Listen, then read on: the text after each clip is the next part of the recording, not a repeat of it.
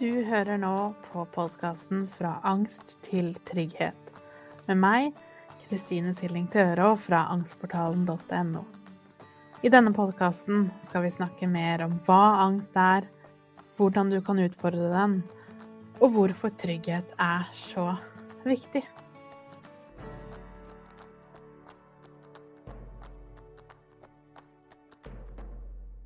Hei og velkommen til episode 51. Og i dag så har jeg nok en gang med meg en utrolig spennende gjest. Og dagens gjest det er Jannike Øynes. Og Jannike, hun vokste opp som barnestjerne. Hun har vært musikalskuespiller, tidligere Hotell Cæsar-skuespiller. Og i dag så har hun intervjuet over 400 åndelige lærere fra hele verden på YouTube-kanalen sin og har sitt eget medlemskap og online-kurs hvor, eh, hvor, det handler om de store spørsmålene. Og i dag så er jeg så glad for å ha med Jannicke.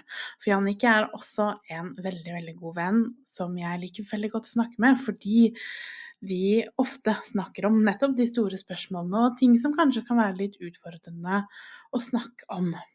Og derfor er jeg så glad for at hun hadde lyst til å være med meg i dag og snakke om hennes reise. Så hva gjorde det med henne å tidlig få så mye oppmerksomhet som hun gjorde?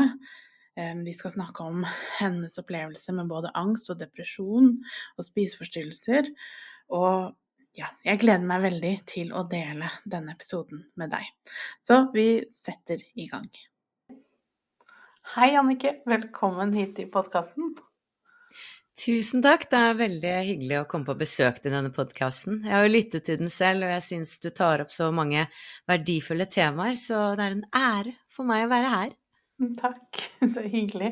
Og vi, jo, vi har jo fått eh, ganske god kontakt og snakket mye om disse temaene vi også skal inn i i dag, men for et par år siden, tror jeg det var, så snakket vi om depresjon, om din historie med med depresjonen. Og så ut av den samtalen så husker jeg at du Jeg tror det var i en livesending, så plutselig kom du på Oi, men jeg har jo også hatt angst. At den, den falt liksom plutselig litt på plass når vi snakket om det. Og det hadde jeg litt lyst til at vi skulle snakke om i dag. For etter den samtalen vi hadde da, så var det flere som tok kontakt med meg og syntes det var så fint at du snakket om det. Fordi kjente deg fra før av, både fra TV og fra at du var barnestjerne, og også da jobben du gjør i dag med Wisdom from North. Og ser på en måte på deg som en, en, en positiv, suksessfull person, og så sitter du og sier at 'jeg har også slitt med depresjon', og det gir en følelse av at en, en nærhet da, og en sånn forståelse for, for en selv, når man ser at noen du ser opp til, også har slitt. Og det jeg tenkte det kunne være veldig spennende å starte på i dag, er jo nettopp barndommen din. For vi har jo snakket litt om det med eh, For du har jo hatt en litt spesiell barndom, kanskje. I hvert fall mer spesiell enn en de fleste av oss. Har du lyst til å si litt om det først? Ja, jeg har kanskje det. Og det er vel noe av eh, clouet eh, her. At jeg har ikke anerkjent at jeg har hatt en annerledes barndom. Eh, jeg har alltid tenkt at jeg må ikke dramatisere meg selv. Jeg må ikke tro at jeg er noe spesielt, at 'å, stakkars meg, jeg har hatt så vondt'. Eh, fordi jeg har jo nettopp fått så mye i livet. Da jeg var Annie og var elleve år, så var det jo ikke så mange sosiale medier. Vi hadde én TV-kanal, det var NRK.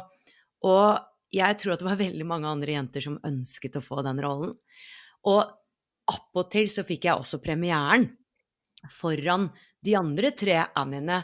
Så jeg fikk så enormt mye medgang og oppmerksomhet og things going my way at jeg nesten kløp meg i armen, ikke sant. Og hvorfor skal jeg være så heldig? Og den følelsen gikk jeg med hele barndommen. Hvorfor er jeg så heldig? Hvorfor er jeg den personen folk peker på og sier wow, wow, så flink, så profesjonell, så søt, så ditten og datten?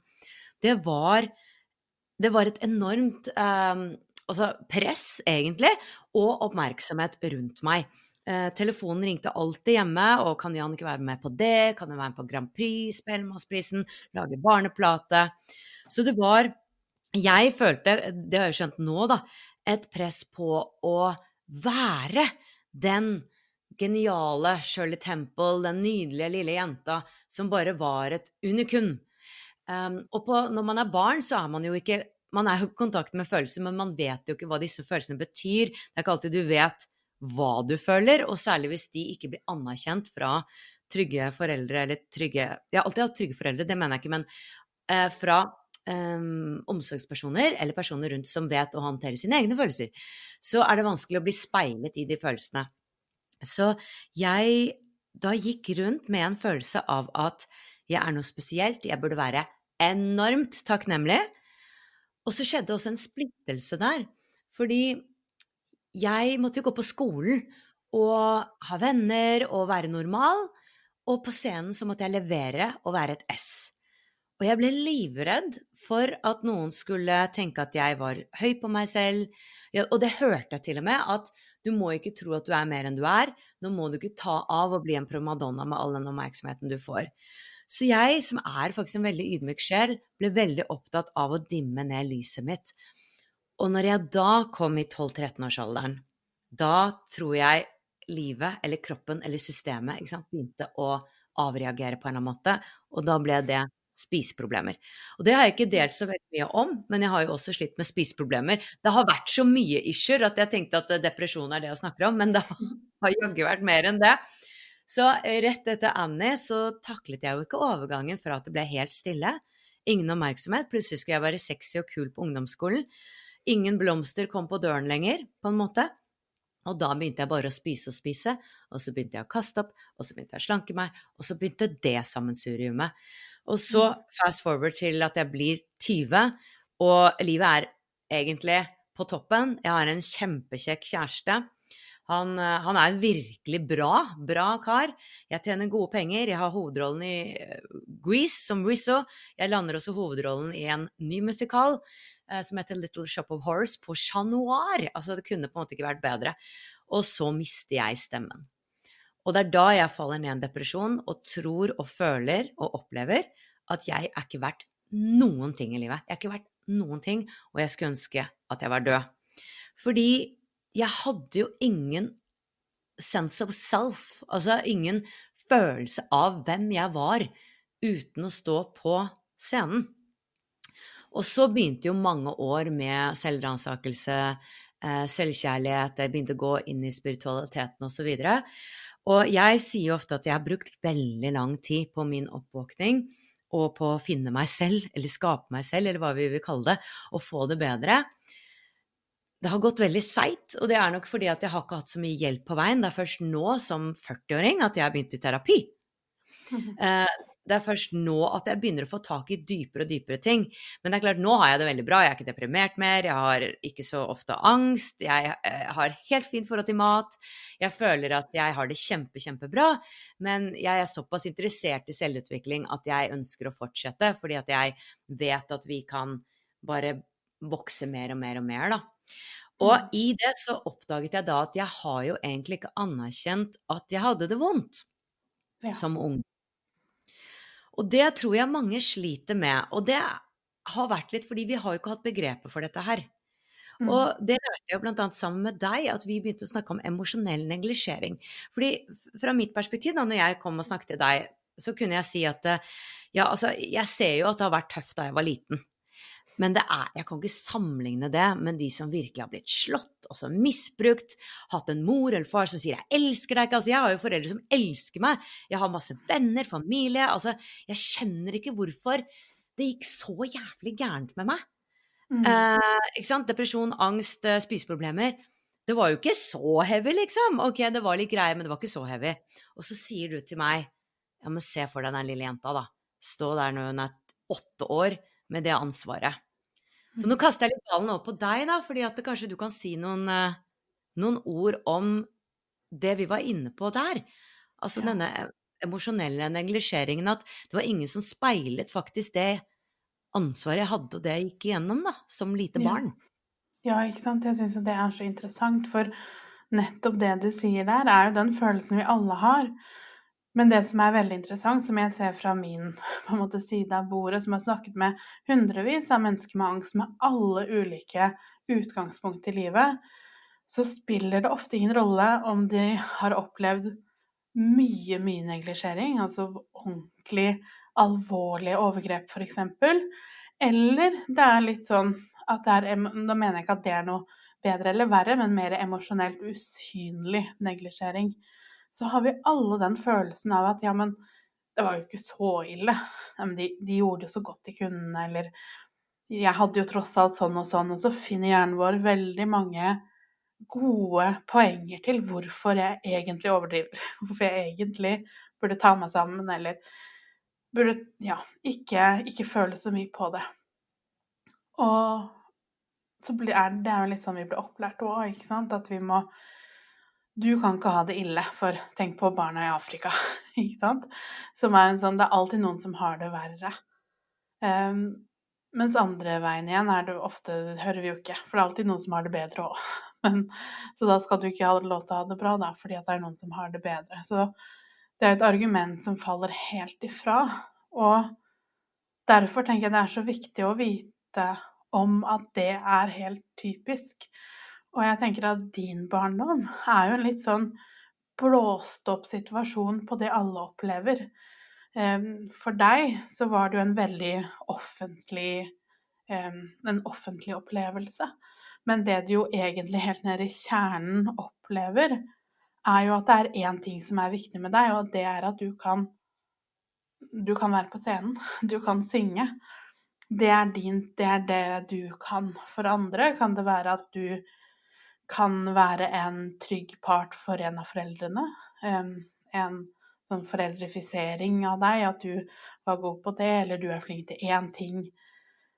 Men kanskje at ingen noen gang har fortalt deg at du er bra bare ved å være deg. Og aldri har validert at du får lov til å være sint eller lei deg, eller måtte hele spekteret av deg. Og fordi det er så vanlig, så blir det også usynlig. Og jeg tenker at det å vise den siden av deg er så viktig, fordi det sier så mye da, om at det er så lov til å føle at ting ikke var bra, selv om alt var bra, hvis du skjønner hva jeg mener. Utad så ser alt helt perfekt ut, ikke sant. Som du sier, alle skulle ønske at de kunne få den rollen som du hadde, eller på en måte være deg.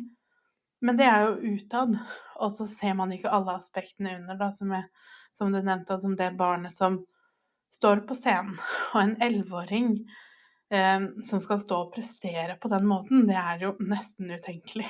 Ikke sant? Å ha, være så voksen og profesjonell. Og det er jo et lite rødt flagg, tenker jeg, i seg selv. Fordi det er jo ikke, nesten ikke mulig. Og det sier noe om din evne til å på en måte ta deg sammen, da, eller til å prestere. Og da må det på et eller annet tidspunkt kanskje gå utover noe annet. Ja, something's gotta give. For jeg har tenkt litt på det når jeg har sett på syv- og åtteåringer. At jeg mm. tenkte at hm, jeg klarer ikke helt å se for meg at de står på en scene med det ansvaret der, uh, og takler den situasjonen uh, og er så disiplinert.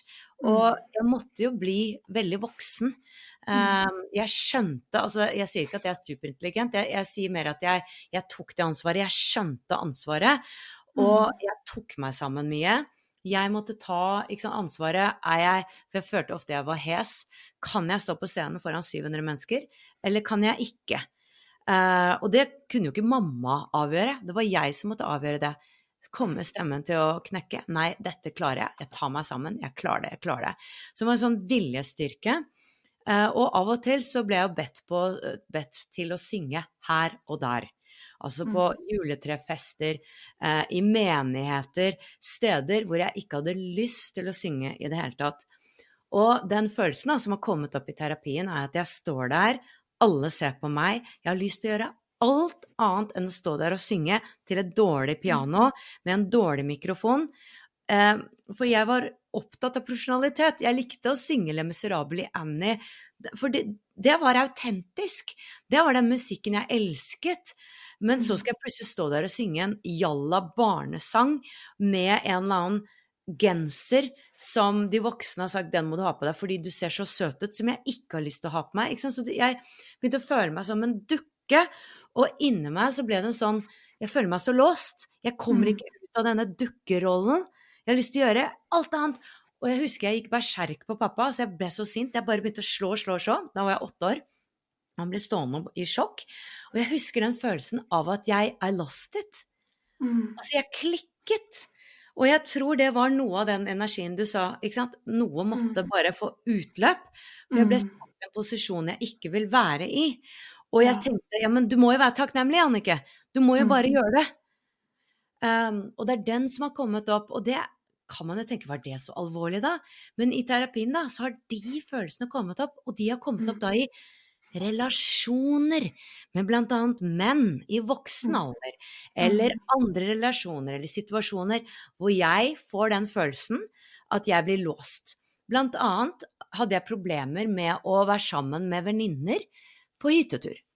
Mm. For jeg plutselig kunne føle den kvelende følelsen av at jeg får ikke puste, det er en umulig situasjon, jeg kan ikke trekke meg tilbake og gjøre hva jeg vil.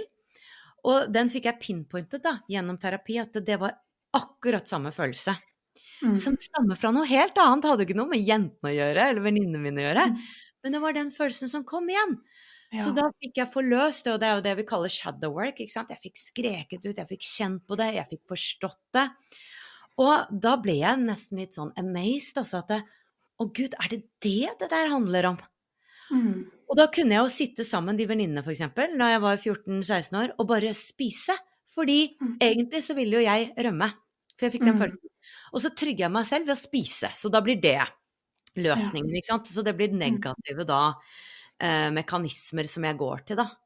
Som Mm. jeg ikke skjønner. Hvorfor overspiser jeg? Jeg fikk Mm. ikke tak i det. Og det er Mm. det jeg syns er så fantastisk med terapi, med spirituell utvikling, med at vi virkelig går inn i dette her. Jeg har jo masse lærere i medlemskapet mitt som Blant annet du er jo en av lærerne i medlemskapet mitt Mm. som snakker om indre barn. Når vi begynner å forstå at oi, det er så små nyanser, da. Det er Mm. følelser som jeg ikke trodde betydde noen ting, som jeg i livet mitt som voksen bare ser har blitt blåst opp, og det er grunnen til at jeg gjør som jeg gjør. Det er jo Ja. fantastisk når man begynner å se at det er en grunn til ting, Ja, ikke og at det er noe å gjøre med det. Mm. Ja, ikke sant. Og en ting som jeg føler da går igjen i din barndom, og veldig, veldig mange andre sin, er nettopp setningen 'du virker så voksen for alderen'. Eh, som er en, et kjemperødt flagg når noen kommer i terapi og sier det. Men jeg var veldig voksen for alderen. For det betyr jo egentlig at du fikk ikke lov til å være barn.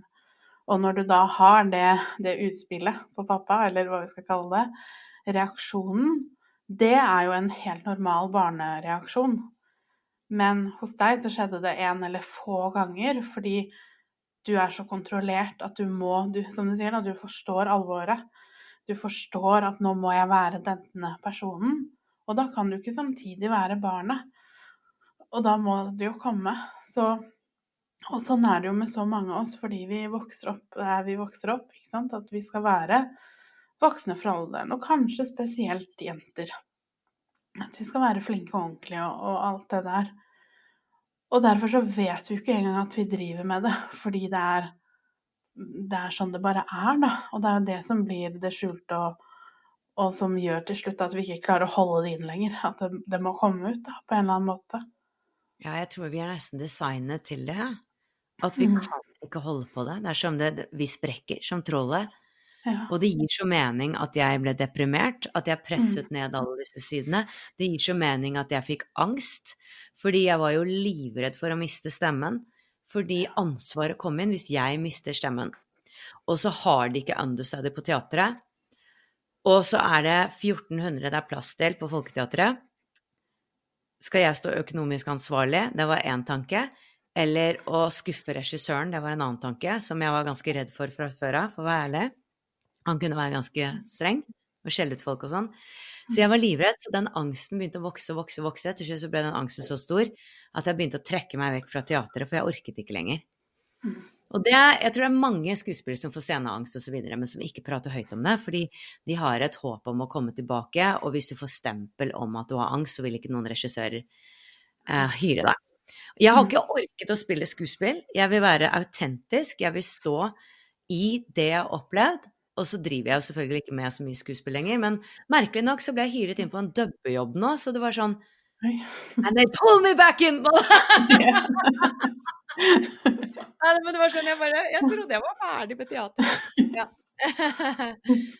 Eh, men det gir mening, da. At jeg også mm. har, har fått angst. Og jeg, jeg vet ikke med deg, eh, Kristine, men jeg tror at uh, vi kan hile dette her. At angsten kan forsvinne når på en måte årsaken til den forløses, da. Men hva mm. tenker du om det, egentlig? Jeg er veldig med på det, og det er, vi vet jo at, at kroppen din klarer jo bare å holde på det du de følelsene du ikke får sluppet ut en viss tid.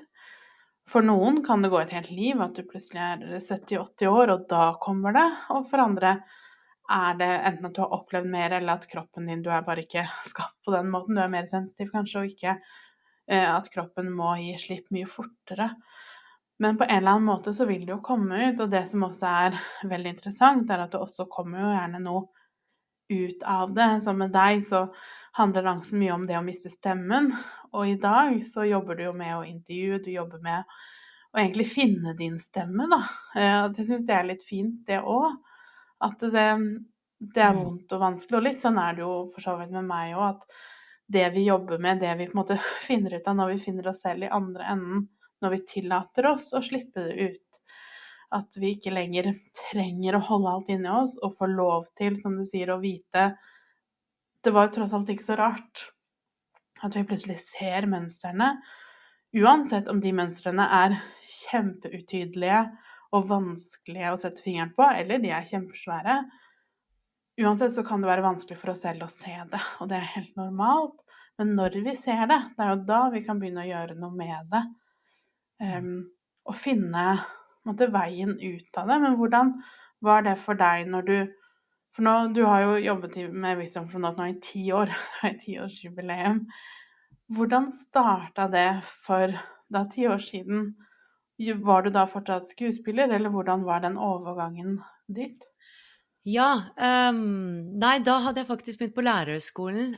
Ja, men samtidig så spilte jeg Julie Blåfjell på Folketeatret, så jeg var litt i teatret. Jeg gjorde egentlig veldig mange ting samtidig. Så den gjorde jeg hver julesesong, og så dubbet jeg, og så gikk jeg på lærerhøgskolen, og så kom denne ideen, da, eh, om å intervjue lærere, åndelige lærere, om de store spørsmålene i livet. Fordi litt, det hadde jeg lyst til å nevne, sammen med depresjon, angst osv., så, videre, så så tror jeg det er mange som begynner å åpne seg for spiritualitet, faktisk. Fordi mm. at de begynner å spørre litt dypere spørsmål hva handler dette her om? Og mange kjenner også en tomhetsfølelse. Det kan også være en sånn depresjonsgreie, en sånn tomhetsfølelse. Og noen ganger så kan det også være en dark night of the soul. Og det kan jeg komme litt tilbake til. Men uansett, da, jeg følte meg ikke inspirert til å bli lærer. Jeg bare kjente at jeg er ikke passionate uh, about this. Og jeg var mer opptatt av å studere enn å være i praksis. Det praksis var liksom det, det var jeg ikke så veldig glad i. Så jeg kjente at jeg, dette er jo ikke retningen min. Og mm. jeg tror ikke at i livet så skal vi gjøre ting som ikke føles riktig. Fordi hvis noe føles galt, så er det noe annet du skal gjøre. Det har jeg bare mm. alltid hatt i meg. Um, så da jeg kom med denne ideen, da, så handlet jeg veldig raskt på den. Og dette var vel åtte år etter jeg fikk min første depresjon. Så da hadde jeg opparbeidet meg en del selvkjærlighet, jeg hadde lært mye om metafysikk. Og så plutselig så bare klikket det på plass for meg at uh, jeg trenger jo ikke å være klarsynt, men jeg kan intervjue folk som er klarsynte. Og jeg har jo vært med til Hotell Cæsar, jeg har vært mye på kamera, jeg føler meg trygg foran kamera, og så plutselig så bare klikker ting på plass. Og da, da, hadde jeg veldig mye courage og mot til å bare gå for det, fordi det ga meg så mye livsgnist. Plutselig så følte jeg meg levende igjen. Mm. Og eh, nå har jeg jo intervjuet rundt 400 forskjellige lærere. Jeg var veldig nysgjerrig i begynnelsen. Nå er jeg ikke så nysgjerrig. Nå er jeg mer opptatt av å hjelpe andre, ikke bare at jeg skal finne svar. og gjennom det så har jeg jo skapt et medlemskap, ikke sant, som er på, på engelsk, men vi har norske klasser også, men hovedspråket er på engelsk. Men så har vi norske undertekster, da. Eh, så det er litt som å være på Netflix, egentlig. Um, fordi jeg er opptatt av å finne de beste lærerne i verden, uh, uansett om de er norske eller engelske. Det er veldig viktig for meg. Uh, og så har jeg invitert da mange av de lærerne som jeg har intervjuet, som jeg syns var de beste, de mest ydmyke, de som kommer fra hjertet. Fordi det er klart det er mye rart der ute innenfor det alternative og spiritualitet og sånn. Så jeg føler da etter ti år så har jeg opparbeidet meg en ganske bra evne til å finne de som er skikkelig autentiske, som deg selv, Kristine, ikke sant? Du er i min medlemsportal og har en klasse som bare i seg selv er utrolig verdifull, og vi kan lære å, å hile vårt indre barn. Så det medlemskapet det vokste seg bare frem ved at jeg skjønte at jeg, jeg sitter jo på et enormt nettverk innen terapeuter, forfattere, åndelige lærere, ikke sant? Så jeg ba dem komme til meg og undervise. Så det er jo min passion, for jeg føler at folk får så store gjennombrudd da, i medlemskapet. Mm. fordi det vi er opptatt av, det er jo å bringe forskjellige perspektiver til en ting. Jeg tenker at det er mange veier til rom. Hvis du sliter med noe, så kanskje det er den meditasjonen som fungerer, den guidede øvelsen, eller den læreren som gir deg det perspektivet. Og det merker jeg i meg selv. At jeg var i eh, Av og til så trenger jeg forskjellige eh, perspektiver. Jeg var i et breakup eh, noen år tilbake hvor jeg slet veldig med å komme over denne personen. Og så trengte jeg mye innspill da, fra eh, ja, de som på en måte er terapeuter og har en god intuisjon og sånn. Og plutselig så var det en som ga meg et perspektiv som gjorde at alt ga mening. Alt ga mening, og da var det mye lettere å gi slipp og gå videre. Så jeg tror at av og trengs til så er det bare noe spesielt vi trenger. Der klikket det på plass! Men det kommer ikke alltid bare rett i fanget vårt, da. Mm. Så Derfor har jeg da skapt dette medlemskapet med masse forskjellige klasser du kan ta. Og så har vi også online-kurs. Eh, og så har jeg bare lyst til å nevne at alle som er her, de kan få en ekstra, et ekstra tilbud, da, hvis, eh, hvis dere er nysgjerrig, så kan dere teste. Det er kjempeverdifullt at du For da var det kode visdom for å få halv pris første måned. Ja. Og da kan man bare hoppe inn og, og, se om det er for deg, og så kan du mm. bare se masse klasser for jeg vet ikke, 200-300 kroner, liksom. Se mm. masse klasser og ta masse meditasjoner, og så kan du bli så lenge du vil. Eh, så dette er, dette er, bare for din podkast, eh, Kristine. yes, der er vi heldige. Og det er så bra, jeg liker så godt det du sier, at vi trenger så Vi trenger forskjellige ting, og så er det ikke alltid vi vet hva er det jeg trenger. Vi, jeg tror veldig mange som går i terapi eller til en, en spesifikk terapeut eller behandlingsmetode, etter hvert så føler vi kanskje at det ikke funker som vi skulle håpet, eller ikke funker lenger. Kanskje det funka før, og plutselig så står det litt stille. Så er jo gjerne det fordi vi trenger litt andre ting. Og det som er så fint hos deg da, er jo at det er så utrolig mange dyktige mennesker med så forskjellige inngangsporter. Da. Noen er um, ja, i, i, alle mulige felt i det du driver med. Så det er noe for alle, da. Ja, jeg tror det. Og for eksempel du sant, har en da masterklasse, som vi kaller det, eh, som handler om å heale ditt indre barn. Og mm. akkurat det er jeg veldig opptatt av nå. Og en mm. periode så var jeg veldig opptatt av loven om tiltrekning. Da var det de lærerne som jeg gikk til. Mm. Og så var jeg veldig opptatt av affirmasjoner, positiv tenkning. Så var jeg veldig opptatt av meditasjon. Så jeg tror vi er eh, på forskjellige steder. Eh, og det handler ikke om at nei, nå er det feil? Eller at det er én retning? Jeg tror det handler om hva vi er klar for å ta imot. Og der er det jo vårt indre som gjerne guider oss dit, da, for hva vi er klar for. Og eh, noen eh, sant, er jo ateister, og spiritualitet er ikke for dem, osv. Men det jeg syns er interessant, for vi var jo på en gründerkonferanse nå med 65 kvinner, og du skulle ikke tro at det er naturlig at gründerkvinner er spirituelle. Altså, hvorfor det? De driver med business. Men jeg snakket med veldig mange av dem. Jeg tror ikke jeg møtte én eneste som sa at de ikke trodde på noe mer. Og dette begynte å klikke på plass for meg. Hvorfor er det sånn? Og så var det en som viste oss denne Maslow behovspyramiden. Og viste at liksom, først er det du trenger mat og alt trygghet og eh, mat, vann osv. Eh, og så kommer kjærlighet, og så Ja, nå husker jeg ikke helt pyramiden i hodet, men poenget er at øverst så er det jo selverkjennelse, er det det? Nei, selvrealisering. Mm. Ja. Slash sto det åndelighet.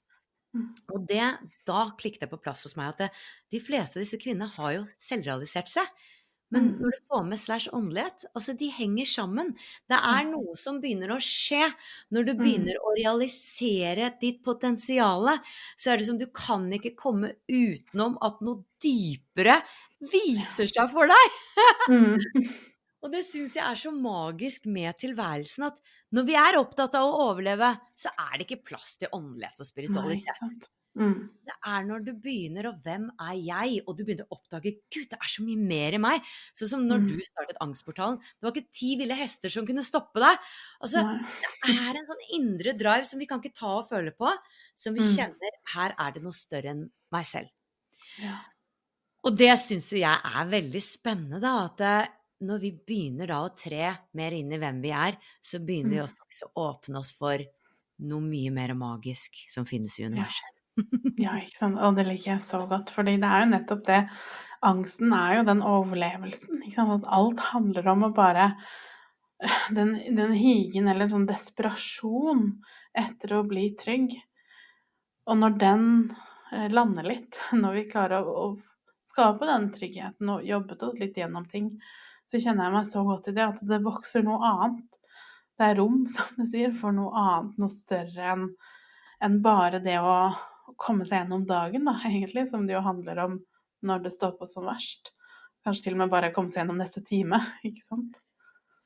Og hvis jeg får lov da, å snakke litt spirituelt, altså det vi snakker om av og til i medlemskapet, det er jo at eh, hvis du ser det fra et høyere perspektiv, så ser du at oi, det er kanskje en mening med at jeg skal oppleve, erfare angst. Det er ikke min feil. Det er ikke jeg som er unfixable, og det er noe gærent med meg. Dette er faktisk noe sjelen min uh, bestemte seg for å lære noe om. Og Mm. det syns jeg er et veldig empowering, altså kraftfullt perspektiv. For da går vi ikke inn i offer og tenker alle i samfunnet er så perfekte, og her sitter jeg med angsten min eller depresjonen eller spiseproblemene.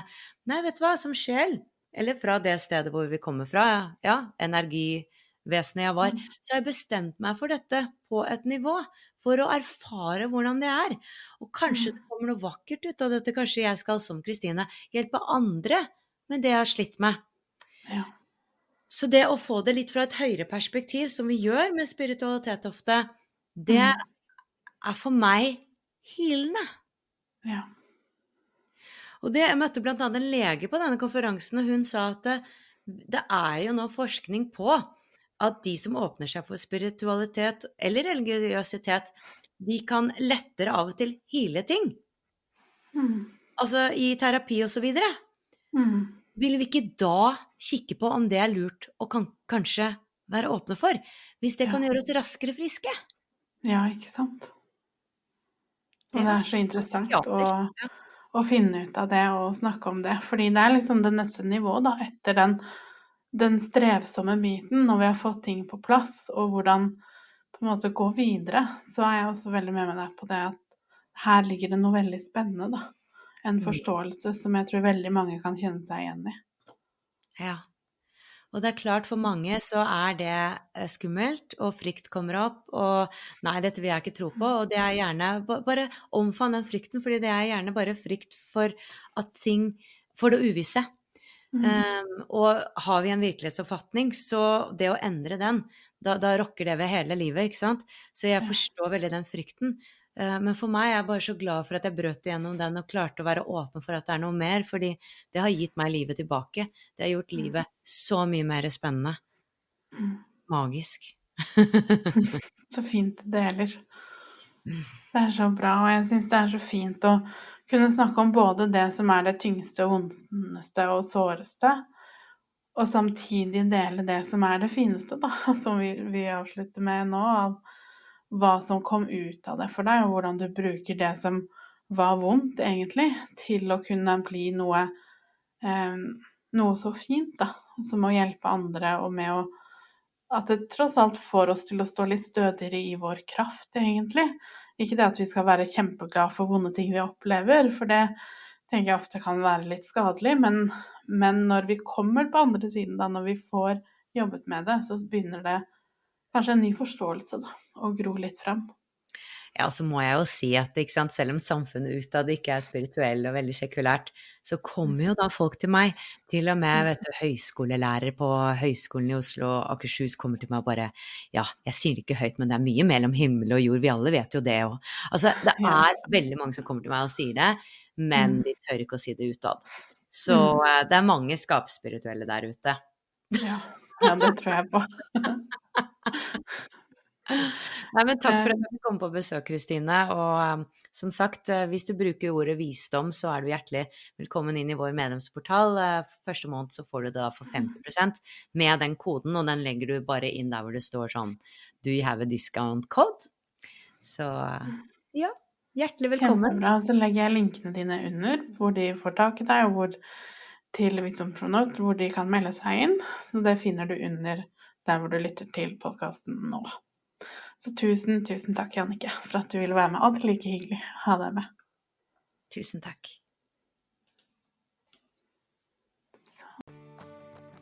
For å lære mer om angstmestring og mine metoder, så går du til angstportalen.no.